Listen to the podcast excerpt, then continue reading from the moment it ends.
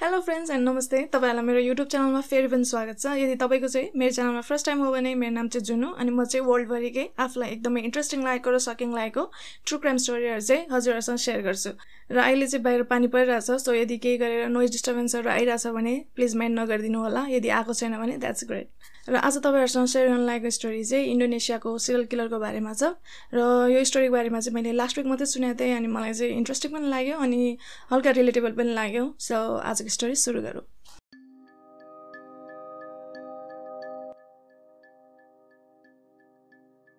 आजको केस चाहिँ एमद सुराजी भन्ने मान्छेको बारेमा छ जसको रियल नेम र उसको बाबा आमाले दिएको नाम चाहिँ नसिब केलेवाङ भनेर थियो नसिब मिन्स फेट भाग्य अनि उसको जन्म चाहिँ नाइन्टिन फोर्टी नाइन टेन जनवरीमा इन्डोनेसियाको मेडन भन्ने सिटीमा भएको थियो अनि उसको बाबा चाहिँ सोर्सर थियो र नेपालीमा एक्ज्याक्टली भन्नुपर्दाखेरि चाहिँ धामी झाँक्रीहरू जस्तै उसको बाबाले पनि त्यही तन्त्र मन्त्रहरू गर्ने तुनामुनाहरू लाउने बिग्रेको कामहरू बनाउने अनि यदि कोही बिरामी छ भने उनीहरूलाई निको पार्ने गर्थ्यो। अनि गाउँभरि उसको बाबालाई चाहिँ त्यही कामको लागि र साथसाथै विच क्राफ्ट र काला जादुको लागि गाउँलेहरूले चिन्ने गर्थ्यो र उसको बाबाकोमा जो पनि सहयोगको लागि या फिर बिरामीहरू निको पार्नको लागि जो पनि आउँथ्यो उनीहरूको चाहिँ सबैको राम्रो भइरहेकै थियो अनि निको पनि हुन्थ्यो। त्यसैले पनि गाउँलेहरूले चाहिँ उसलाई एकदमै मान्थ्यो। अनि सुरज चाहिँ सानो हुँदाखेरि चाहिँ उसले आफ्नो बाबाको कामहरू चाहिँ एकदमै क्लोजली हेर्थ्यो। उसको बाबाले जे जे पनि त्यो काला जादुहरू गर्थ्यो जे पनि गर्थ्यो ऊ आफै नै आफै हेरेर नै सिक्ने गर्थ्यो। अनि अनि उसको बाबालाई चाहिँ गाउँभरिको गाउँलेहरूले एकदमै रेस्पेक्ट दिएको देख्दा एकदम मान सम्मान दिएको देख्दाखेरि चाहिँ उसलाई हल्का अचम्म पनि लाग्थ्यो। अनि त्यही सानो उमेरमा नै उसको बाबाको डेथ भएको थियो। अनि उसको चाहिँ घरमा तिनजना दाजुभाइहरू थियो ऊ जेठो थियो अनि तल चाहिँ दुइटा भाइहरू थियो। अनि उसलाई चाहिँ घरमा खासै कसैले त्यस्तो वास्ता गर्दैन थियो। झन् बाबाको डेथ भएपछि त उसलाई कसैले केही रोक्ने टोक्ने नि केही भएन र उसलाई घरमा बस्ने केही रिजन पनि भएन। अनि सधैँ बाहिर हुन्थ्यो। अनि बाहिर हुँदाखेरि पनि ऊ जहिले पनि खालि ट्रबल क्या एकदमै चकचके जहाँ कहाँ जहाँ गए पनि उसले काम बिगार्ने गर्थ्यो अनि साथीहरू पनि उसँग खासै खेल्न मान्दैन थियो घुलमेल हुन खोज्दैन थियो। किनभने उसँग हिँड्यो कि जहिले उसले केही काम बिगार्ने केही चोर दिने जसको कारणले चाहिँ साथीहरू पनि फस्ने गर्थ्यो। त्यही भएर उसको साथीहरू पनि ऊदेखि टाढा टाढा नै बस्ने गर्थ्यो। अनि सुरज जम्मा उन्नाइस वर्ष हुँदाखेरि चाहिँ ऊ घरबाट भागेर गएको थियो। अनि ऊ घरबाट भागेर गएपछि चाहिँ उसलाई पब्लिक भाइलेन्सको लागि चाहिँ पुलिसहरूले एरेस्ट गरेको थियो र उसले पब्लिक भाइलेन्समा चाहिँ एक्ज्याक्टली के गरेको थियो भनेर चाहिँ कतै नि मेन्सन गरेको छैन। अनि उसलाई चाहिँ दस वर्षको सजाय दिएको थियो। बट दुई वर्षपछि चाहिँ ऊ फेरि निस्क्यो। अनि ऊ जेलमा दुई वर्ष बसेर निस्केपछि चाहिँ उसलाई फेरि सेकेन्ड टाइम क्याटल थिफको लागि फेरि जेलमा हालियो। क्याटल थिफ भनेको चाहिँ अरूको पशुहरू चोरेर उनीहरूलाई मारेर उसको मासुहरू बेच्नु हो। अनि उसलाई चाहिँ फर्स्ट टाइम जेल पर्दाखेरि जुन दस वर्षको सजाय थियो। उसलाई त्यही सजाय नै कम्प्लिट गर्न लगायो। अनि उसले जेलमा आफ्नो पुरा सजाय सकाएर ऊ बाहिर निस्किँदाखेरि चाहिँ उसको रेपुटेसन चाहिँ एकदमै खराब भइसकेको थियो। मान्छेहरूले चाहिँ उसलाई खासै राम्रो नजरले हेर्दैन थियो। उसलाई चाहिँ क्रिमिनल जसरी नै हेर्ने गर्थ्यो ट्रिट गर्ने गर्थ्यो। अनि त्यो सब देखेर चाहिँ उसलाई के कुरा याद आयो भने अब ऊ सानोमा हुँदाखेरि चाहिँ उसको बाबालाई गाउँलेहरूले त्यस्तो मान्थ्यो त्यस्तो रेस्पेक्ट गर्थ्यो। तर उसलाई चाहिँ अब अहिले मान्छेहरूले क्रिमिनल जसरी ट्रिट गरिरहेछ त्यसरी हेरिरहेछ। अनि त्यसपछि चाहिँ उसले के विचार गर्यो भने अब ऊ पनि उसको बाबा जस्तै नै सेमनको काम गर्ने र सेमनलाई चाहिँ इन्डोनेसियामा चाहिँ डुकुन भनिन्छ भने नेपालीमा चाहिँ धामी ज्याक्री भनिन्छ। अनि उसले जङ्गलमा त्यो काला जादुहरू सिक्ने सबै कम्प्लिट गरेर ऊ फेरि आफ्नो गाउँ फर्क्यो। अनि गाउँ फर्केपछि चाहिँ उसले आफ्नो नाम नसिब केलेवाङबाट एहमद सुराजीमा चेन्ज गर्यो। अनि नाम चेन्ज गरेपछि चाहिँ उसले बिहे पनि गर्यो। अनि उसले साइड जबमा चाहिँ सेमनको काम पनि गर्न थाल्यो मतलब धामी झाँक्रीको काम। अनि सुरुमै यो केस चाहिँ मलाई किन रिलेटेबल लाग्यो भन्दाखेरि चाहिँ अब हाम्रो नेपालमा चाहिँ धामी झाँक्रीहरूलाई एकदम पहिल्यैदेखि नै अहिलेसम्म पनि एकदमै मान्ने गर्छ र गाउँघरमा त डक्टरलाई देखाउनुभन्दा पनि पहिला अगाडि धामी झाँक्रीलाई देखाउने गर्छ। अब गाउँघरको मात्रै के कुरा गर्नु अब आफ्नै घरमा पनि मेरो आफ्नै फ्यामिली मेम्बरहरू रिलेटिभ्सहरू यदि केही गरेर एक्कासै बिमारी भयो भने उनीहरू पहिला त्यही धामी झाँक्री गाउँमा लामाकोमा गएर देखाउने गर्छ। अनि मात्रै डक्टरकोमा जान्छ सो सो त्यही भएर चाहिँ यो केस चाहिँ मलाई अलिकति रिलेटेबल लागेको थियो। अनि मैले यो केसको बारेमा पोडकास्टहरू सुन्दाखेरि चाहिँ एउटा कुरा चाहिँ मलाई एकदम फनी लागेको थियो। आई मिन यो केसलाई लिएर फनी होइन जस्ट अनि फनी चाहिँ के लागेको थियो भन्दा अब त्यो पोडकास्टरहरूले अब यो केसको बारेमा कुरा गर्दाखेरि मान्छेहरू चाहिँ अब बिरामी भयो बिरामी हुँदाखेरि चाहिँ त्यसरी धामी झाँक्री गाउँमा जाने अनि मान्छेले म्याजिकले निको पार्ने हुन्छ नि यस्तो कुराहरू चाहिँ उनीहरूलाई एकदमै नयाँ लागिरहेको थियो एकदम अचम्म लागिरहेको थियो। अनि दे वर रियाक्टिङ डिफ्रेन्टली क्या अनि म चाहिँ as a Nepali as an Asian यो स्टोरीको बारेमा पढ्दा यो स्टोरीको बारेमा सुन्दाखेरि मलाई चाहिँ अब त्यस्तो खासै केही लागेको थिएन। किनभने अब हाम्रो नेपालमा पनि भइरहेछ र अरू एसिया कन्ट्रीमा पनि यस्तो कुराहरूलाई एकदम मानिँदै आइरहेछ नि त। So it's not a big deal for us anyway back to story अनि सुरजीको फर्स्ट वाइफबाट चाहिँ चारवटा छोराहरू भएको थियो अनि उसले चाहिँ उसको आमालाई के भन्यो भने म चाहिँ अर्को बिहे गर्न चाहन्छु किनभने योबाट चाहिँ छोरा छोरा मात्र भयो र मलाई चाहिँ छोरी चाहियो भनेर। उसले उसको आमालाई भन्यो अनि सुराजी चाहिँ मुस्लिम फ्यामिलीबाट थियो अनि मुस्लिमहरूको चाहिँ अब एउटाभन्दा बेसी बिहे गरे पनि खासै केही प्रब्लम हुँदैन थियो। सो उसको आमाले चाहिँ ओके तिमीलाई बिहे गर्नु मन छ भने गर मलाई चाहिँ केही प्रब्लम छैन भनेर उसको आमाले भन्यो। अनि उसको आमाले यति भनेपछि चाहिँ उसले बिहे गरेर बुढी ल्यायो अनि उसले चाहिँ एउटा मात्रै बुढी नभएर उसले चाहिँ दुइटा बुढी ल्याएर आयो। अनि उसको आमालाई चाहिँ यो बिहेदेखि चाहिँ के प्रब्लम थियो भने उसले दुइटा बिहे गर्यो भनेर प्रब्लम होइन कि? उसले चाहिँ उसको फर्स्ट वाइफकै दुइटा सिब्लिङहरू दुइटा बहिनीलाई बिहे गर्यो भनेर चाहिँ उसको आमा चाहिँ यो बिहेदेखि एकदमै खुसी थिएन। अनि बिस्तारै बिस्तारै चाहिँ उसको छरछिमेकीहरूले उसको गाउँलेहरूले चाहिँ उसलाई उसको कामको लागि चिन्न थाल्यो उसको त्यही तन्त्र मन्त्रको लागि चिन्न थाल्यो। अनि उसको स्पेसियालिटी चाहिँ के के थियो भने उसले चाहिँ अब मान्छेहरूको घरमा धनहरू ल्याउने अब मान्छेको घरमा लकहरू ल्याउने होइन। अनि महिलाहरूको लागि चाहिँ के थियो भने अब उसकोमा गयो भने उसको जादु मन्त्रले चाहिँ उसलाई एकदमै राम्रै बनाउने या फिर अरू केटा मान्छेहरूलाई उसलाई कोही मन परेको केटा मान्छेहरू छ भने उनीहरूलाई एट्र्याक्ट गर्ने जस्तै नेपालीमा भन्नुपर्दाखेरि मोहनीहरू लाउने जस्तै। अनि अर्को चाहिँ के कामको लागि पनि चिनिन्थ्यो भने यदि केही लभ रिलेसनलाई लिएर केही प्रब्लम चलिरहेछ केही बुढाबुढीको बिहेलाई लिएर केही प्रब्लम चलिरहेछ भने त्यो प्रब्लम लिएर उसकोमा गयो भने चाहिँ उसको त्यो जादु मन्त्रले चाहिँ त्यो प्रब्लम पनि सल्भ गरिदिन्थ्यो भनेर चाहिँ उसलाई चिनिन्थ्यो। अनि गाउँभरि चाहिँ केही पनि र्युमर्स फैलिरहेको थियो भने उसले चाहिँ टेलिप्याथी गर्न सक्छ र टेलिकेनेटिक्स पनि गर्न सक्छ भनेर चलिरहेको थियो। टेलिप्याथी भनेको चाहिँ अब उसको माइन्डले अर्काको माइन्ड पढ्न सक्नु र टेलिकेनेटिक्स भनेको चाहिँ उसले अब उसको माइन्डले नै सामानहरू मुभ गर्न सक्नु। अनि गाउँलेहरूले चाहिँ के पनि भन्थ्यो भने उसले चाहिँ उसको माइन्डले नै बादलहरू छिटो छिटो मुभ गराउँथ्यो र पानी पनि पराउने गर्थ्यो भनेर चाहिँ गाउँलेहरूले भनेको पनि थियो। अब यो कुरा कतिको साँचो हो कतिको साँचो होइन त्यो चाहिँ थाहा भएन बट उसको गाउँलेहरूले चाहिँ उसलाई लिएर चाहिँ यस्तै कुराहरू गर्थ्यो। अनि उसकोमा चाहिँ धेरै जस्तो सेक्स वर्करहरू आउने गर्थ्यो ताकि उनीहरूले चाहिँ धेरैभन्दा धेरै मेल कस्टमरहरूलाई एट्र्याक्ट गरेर चाहिँ कमाउनु सकोस् भनेर। अनि उसकोमा चाहिँ गाउँभरिकै एकदमै जाने माने मान्छेहरू पनि आउन थाले हुँदा हुँदा गभर्मेन्ट अफिसरहरू पनि आउन थाले। अनि नाइन्टिन एटी सिक्समा चाहिँ सुरजीलाई उसको बुवाको सपना आएको थियो। अनि त्यो सपनामा चाहिँ उसको बुवाले के भनेको थियो भने यदि उसलाई पावरफुल हुनु छ एकदम शक्तिशाली हुनु छ भने चाहिँ उसले सत्तरीवटा मरेको यङ महिलाहरूको चाहिँ थुक खानुपर्ने भनेर उसलाई भनेको थियो। अनि उसले चाहिँ उसको बुवाको त्यो सपनालाई सिरियसली नै एज अ मेसेज लिएर उसले चाहिँ के ठान्यो भने अब चाहिँ म चाहिँ बुवाले मलाई सपनामा जस्तो भनेको छ त्यस्तै नै गरेर म चाहिँ शक्तिशाली हुनुपर्छ भनेर उसले ठान्यो। अब त्यही माथि कुन महिला कहाँनिर के गरी मर्छ भन्ने त उसलाई थाहा हुँदैन। सो यदि अब त्यसरी नै बस्यो भने चाहिँ उसलाई धेरै नै टाइम लाग्ने भएर चाहिँ उसले के ठान्यो भने उसले उसकोमा आएको फिमेल कस्टमरहरूलाई टार्गेट गरेर अनि उनीहरूलाई मारेर उनीहरूको थुक खाने भनेर चाहिँ उसले डिसाइड गर्यो। अनि उसले चाहिँ अब गाउँलेहरूले थाहा पाउँछ डाउट गर्छ भनेर चाहिँ उसले हतपत्त उसकोमा आएको सबै फिमेलहरूलाई चाहिँ उसले टार्गेट गर्दैन थियो।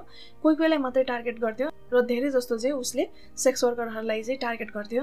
अनि उसले चाहिँ आफ्नो टार्गेटहरूलाई के गर्थ्यो भने पहिला उनीहरूलाई एकदम सिक्रेटली राति राति बोलाउने अनि उसले चाहिँ आफ्नो टार्गेटलाई मात्रै होइन सबै कस्टमरलाई नै के भन्थ्यो भने एकदमै सिक्रेटली आऊ अनि बेलुका आऊ कसैले थाहा नपाउने गरी कसैलाई पनि नभनिकन आऊ भनेर उसले सबै क्लाइन्टहरूलाई त्यसरी नै बोलाउने गर्थ्यो उसकोमा। अनि क्लाइन्टहरू पनि यस्तो कुराहरू चाहिँ हतपत्त कसैलाई सुनाउँदैन थियो। अब कसैको के प्रब्लम लिएर गइरहेको हुन्छ कसैको के प्रब्लम लिएर गइरहेको हुन्छ यदि हामी भएको भए सायद हामी पनि कसैलाई सेयर गर्दैन थियो होला क्या। सो अनि उसले टार्गेट गरेको फिमेल क्लाइन्टहरू उसकोमा गइसकेपछि उसले पहिला आफ्नो चार्ज लिन्थ्यो अनि उसको चार्ज चाहिँ टु हन्ड्रेडदेखि थ्री हन्ड्रेड डलर थियो। अनि त्यो भनेको चाहिँ नेपाली बाइस हजारदेखि तिस हजारसम्म र त्यो टाइममा चाहिँ यो पैसा भनेको एकदमै धेरै नै थियो।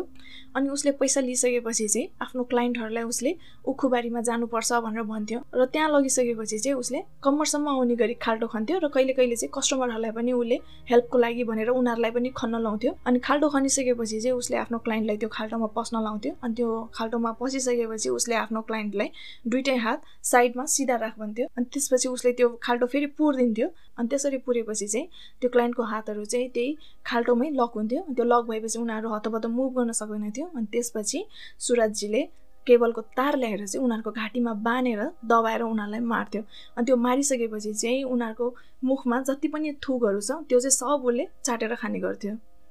Oh अनि उसले चाहिँ अब त्यो मारिसकेपछि उसको त्यो सबै भइसकेपछि चाहिँ उसले उनीहरूको लासलाई चाहिँ फेरि त्यो खाल्टोबाट निकाल्थ्यो अनि खाल्टोबाट निकालिसकेपछि चाहिँ उसले घाँटीसम्म आउने गरी फेरि खाल्टो खन्थ्यो अनि त्यो खाल्टो खनिसकेपछि चाहिँ उसको त्यो लासबाट सबै लुगाहरू उसले फुकाल्थ्यो। सबै त्यो लुगाहरू चाहिँ किन फुकाल्थ्यो भने यदि लुगा फुकालेर राख्यो भने चाहिँ छिटो डिकम्पोज हुन्छ छिटो कुहिन्छ भनेर चाहिँ उसले सबै लुगाहरू फुकालिदिन्थ्यो त्यो क्लाइन्टको।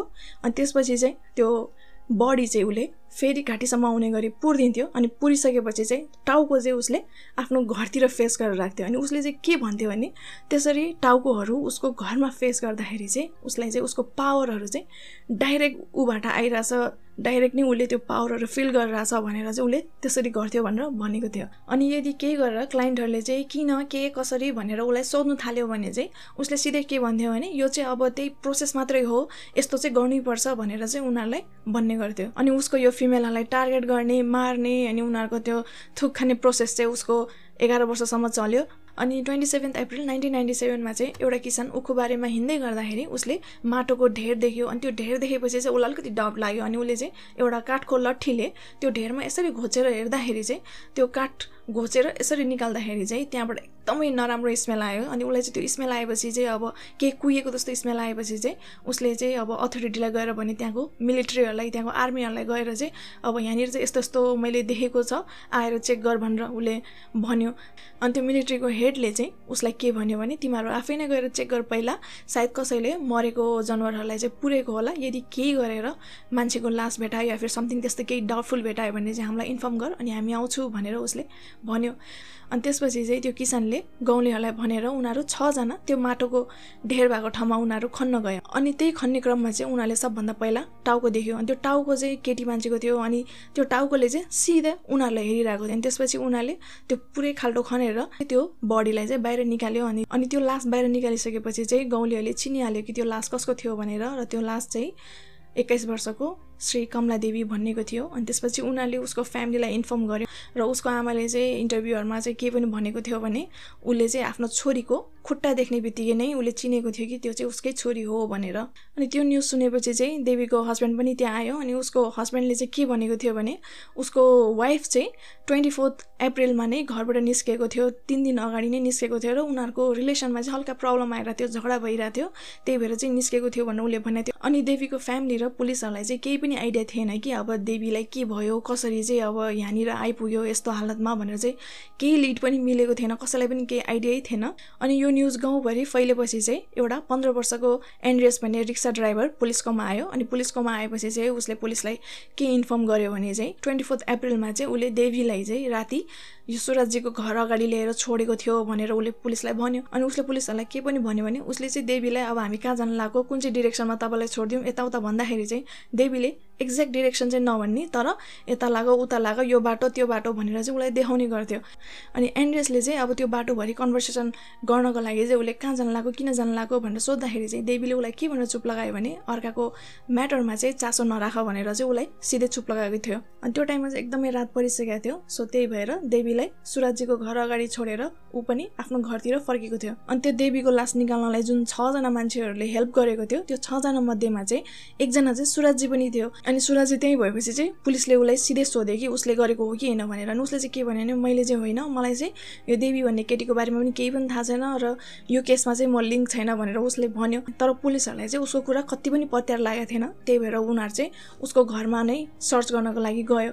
अनि उसको घरमा सर्च गर्न जाँदाखेरि चाहिँ पुलिसहरूले देवीको गहनाहरू उसको ब्रासलेटहरू अनि उसको ब्यागहरू फेला पारेको थियो। अनि त्यसपछि चाहिँ पुलिसले सुराजी र उसको तिनजना वाइफलाई पनि शङ्का गरेर चाहिँ पुलिस स्टेसनमा लगेको थियो। अनि सुराजीलाई चाहिँ इन्टरोगेसनको लागि चाहिँ चार दिन लागेको थियो। उसले चार दिनमा आएर बल्ल उसले चाहिँ आफ्नो गल्तीहरू एक्सेप्ट गराएको थियो उसले मारेको हो भनेर भनेको थियो र साथसाथै उसले पुलिसलाई के पनि भन्यो भने देवी मात्रै होइन मैले चाहिँ फोर्टी टूवटा महिलाहरूलाई चाहिँ मारेर यसरी पुरेको छ भनेर उसले भनेको थियो। अनि पुलिसले त्यो सुनेपछि चाहिँ अब किन यस्तो गरेको भन्दाखेरि चाहिँ उसले सिधै के भन्यो भने उसको ड्याडीले चाहिँ उसलाई सपनामा आएर त्यही सत्तरीवटा मरेको महिलाहरूको चाहिँ थुक खानुपर्छ भनेर भनेको थियो भनेर उसले भन्यो। अनि उसले चाहिँ पुलिसलाई के पनि भन्यो भने उसको बले चाहिँ उसलाई अब यसरी मान्छेहरूलाई त मार भनेर त भनेको थिएन तर त्यो सत्तरीवटा अब मरेको महिलाहरू कुर्नलाई चाहिँ एकदमै टाइम लाग्ने भएर चाहिँ उसले यो सब गरेको हो भनेर चाहिँ पुलिसलाई सबै कन्फेस गर्यो। अनि पुलिसले चाहिँ सुरजीको वाइफहरूलाई पनि इन्टरोगेसनको लागि लगेको थियो। अनि त्यो इन्टरोगेसन गर्दाखेरि चाहिँ के थाहा पायो भने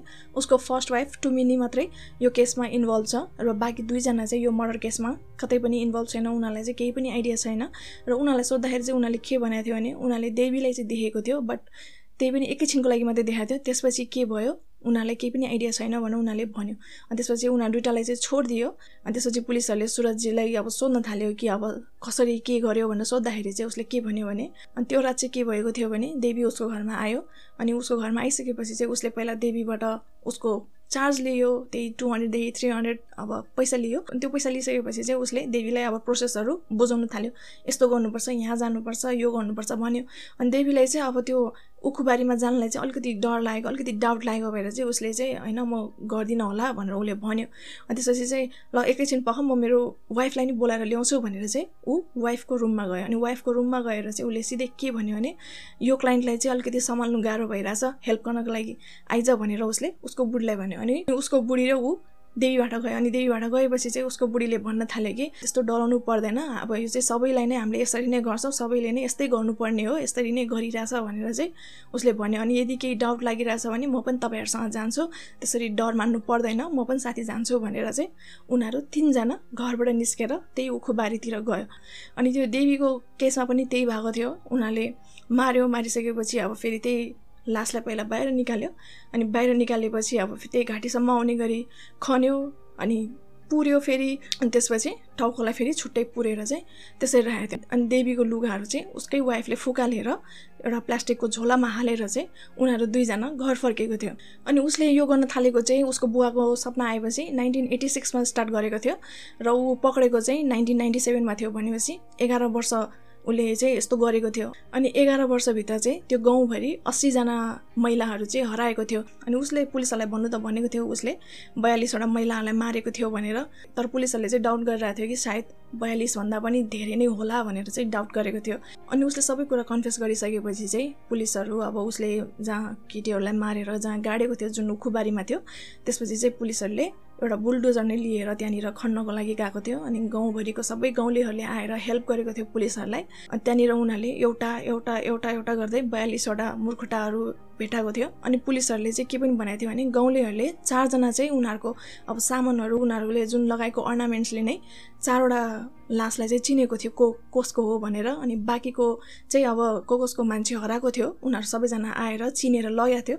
बट चारवटा लासको लागि चाहिँ कोही पनि आएन र त्यो लास चाहिँ कसको हो के हो भनेर कसैलाई पनि थाहा छैन र त्यो चाहिँ अब एकदमै पुरानो थियो र त्यो डिएनए गर्दाखेरि पनि खासै त्यस्तो चिन्न सकेन कि यो कसको लास हो भनेर चाहिँ। र त्यो टाइममा चाहिँ यो केस एकदमै ठुलो क्राइम केस बनेको थियो इन्डोनेसियाकै र इन्डोनेसियामा मात्रै नभएर अरू ठाउँमा पनि यसको न्युजहरू चाहिँ फैलेको थियो अनि फरेनर न्युज रिपोर्टरहरू पनि यो केसलाई कभर गर्नको लागि त्यो क्राइम सिनमा आएको थियो। अनि सुरुमा चाहिँ सुरजजी र उसको वाइफले चाहिँ गिल्टी मानेको थिएन बट आफ्टर केही समयपछि चाहिँ उनीहरूले गिल्टी मान्यो अनि त्यसपछि चाहिँ कोर्टले उनीहरूलाई मृत्युदण्डको सजाय दिएको थियो। बट उसको बुढीलाई चाहिँ पछि मृत्युदण्ड घटाएर चाहिँ आजीवन कारावासको सजाय दिएको थियो।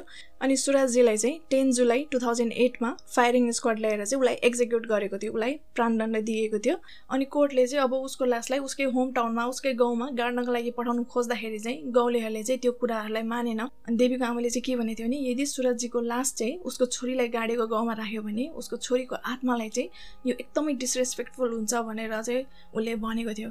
अनि अब गाउँलेहरूले नमानेपछि अब भिक्टिमकै आमाले नमानेपछि चाहिँ कोर्टले उसको लासलाई त्यही जकार्ताकै कुनै ग्रेभयार्डमा गाड्न लगाएको थियो।